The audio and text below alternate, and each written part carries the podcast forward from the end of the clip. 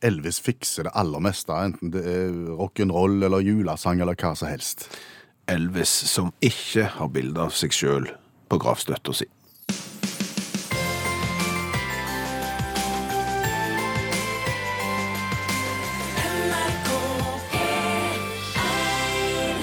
Da vi satt og planla dette julaftensprogrammet, så, så visste vi jo at det kom på en mandag.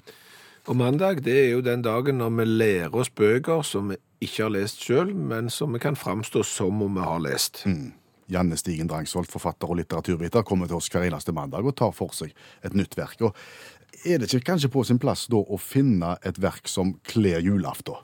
Det syns jeg. Ja. Fins det, Janne? Ja, det har jeg funnet. Jeg måtte leite litt, men jeg fant det til slutt. Hva fant du? Jeg fant et dukkehjem av Henrik Ibsen. Ja, altså Det er teaterstykker jeg har sett, det er teaterstykker jeg har lest eh, for lenge siden, og det er ikke julaften. Jo, det er akkurat det det er. Altså, det jeg var veldig overraska. Jeg hadde heller ikke kommet på at det var, fant sted under julehøytiden, men det gjør det faktisk. Da skal du bare få begynne. Takk.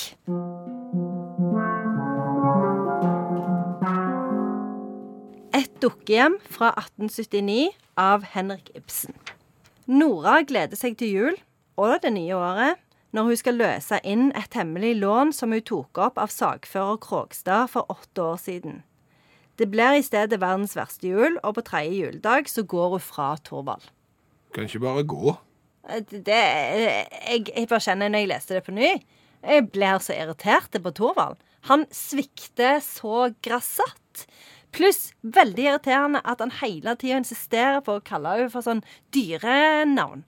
Sånn hun er lerkefugl, spillefugl, ekorn, slikkemunn og fru Stivnakke. Unnskyld meg. Men, men var nå dette noe å, å gå løs på på en trivelig dag som julaften? Ja, jeg tenker at det kan være litt sånn selvhjelpsbok. La meg si det sånn. Nora har fiksa julegaver til alle. Hele familien, inkludert Thorvald.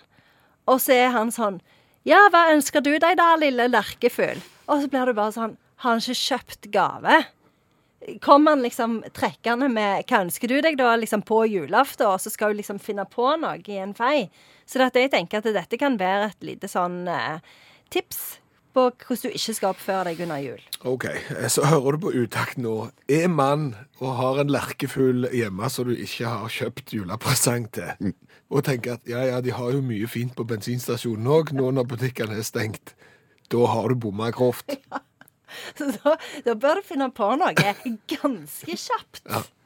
Og ikke spør hva hun ønsker seg. Altså, gjør dette i smug. Men hvordan kan både du, som jo har greie på litteratur, og oss andre som føler at vi har et forhold til et dukkehjem av Ibsen, unngått å få med oss at dette er jul? Jeg tror det er, litt sånn fortrenging, rett og slett. Jeg tror det er for vondt å tenke på at det faktisk foregår under julehøytiden. Eh, og, og, og i tillegg så er det jo Enda mye som skjer i dette stykket. For det går jo liksom fra at Nora har vært ute og kjøpt inn til jul og kjøpt seg makroner som går og småsipiser på, til liksom fullt brudd og ha det, og jeg vil ikke se ungene, jeg bare går. Så dette, det er jo liksom Jeg tror det med at det er jul, det blir liksom bare Du klarer ikke å Det blir for mye informasjon. Er dette tidenes frampeik av Henrik Ibsen? Høytid, og spesielt jul, er jo den perioden når flest folk går fra hverandre. Ja, eh, jeg er enig. Så eh, det, jeg tror kanskje at det er det Altså, når jeg leser det på ny nå, føltes veldig relevant. Altså, dette er en virkelig klassiker. For dette sier noe til oss i dag. Et sitat fra et dukkehjem som er berømt. Ja. Vårt hjem har ikke vært annet enn en lekestue. De har jo ikke snakket om noen ting. Det har jo bare vært lerkefugl og ekorn og liksom Kosi-posi, sånn tullespråk. Så det, det er viktig å snakke om ting. Viktig å ha en dialog om ordentlige ting hele tida. Da blir det din oppgave mot slutten her nå å oppsummere et dukkehjem. Ja, jeg, jeg føler jo egentlig at min oppgave her, istedenfor å oppsummere et dukkehjem, må være å få humøret opp igjen. Det er jo tross alt julaften, og, og denne her begravelsen her, eh, vi kan jo ikke ha det stående eh, som stemning. Så skal vi heller istedenfor bare ta hverandre i hendene, og så synger vi Glade jul, første verset. Glade jul, hellige jul. Jeg tror egentlig det holdt. Jeg tror det. Ja. Vår lille nymfeparakitt. Janne Stigen Drangsholt, som også er forfatter og litteraturviter. Tusen takk. Jeg kan ikke få understreke nok hvor lurt det er å ikke kalle kona di dyrenavn på julaften. Please, ikke gjør det. Det må jo være bedre å være lerkefugl enn f.eks. grevling, da. Hvis du først må, mener jeg. Hva har den lille grevlingen min funnet på i dag, da? God jul, Janne. God jul.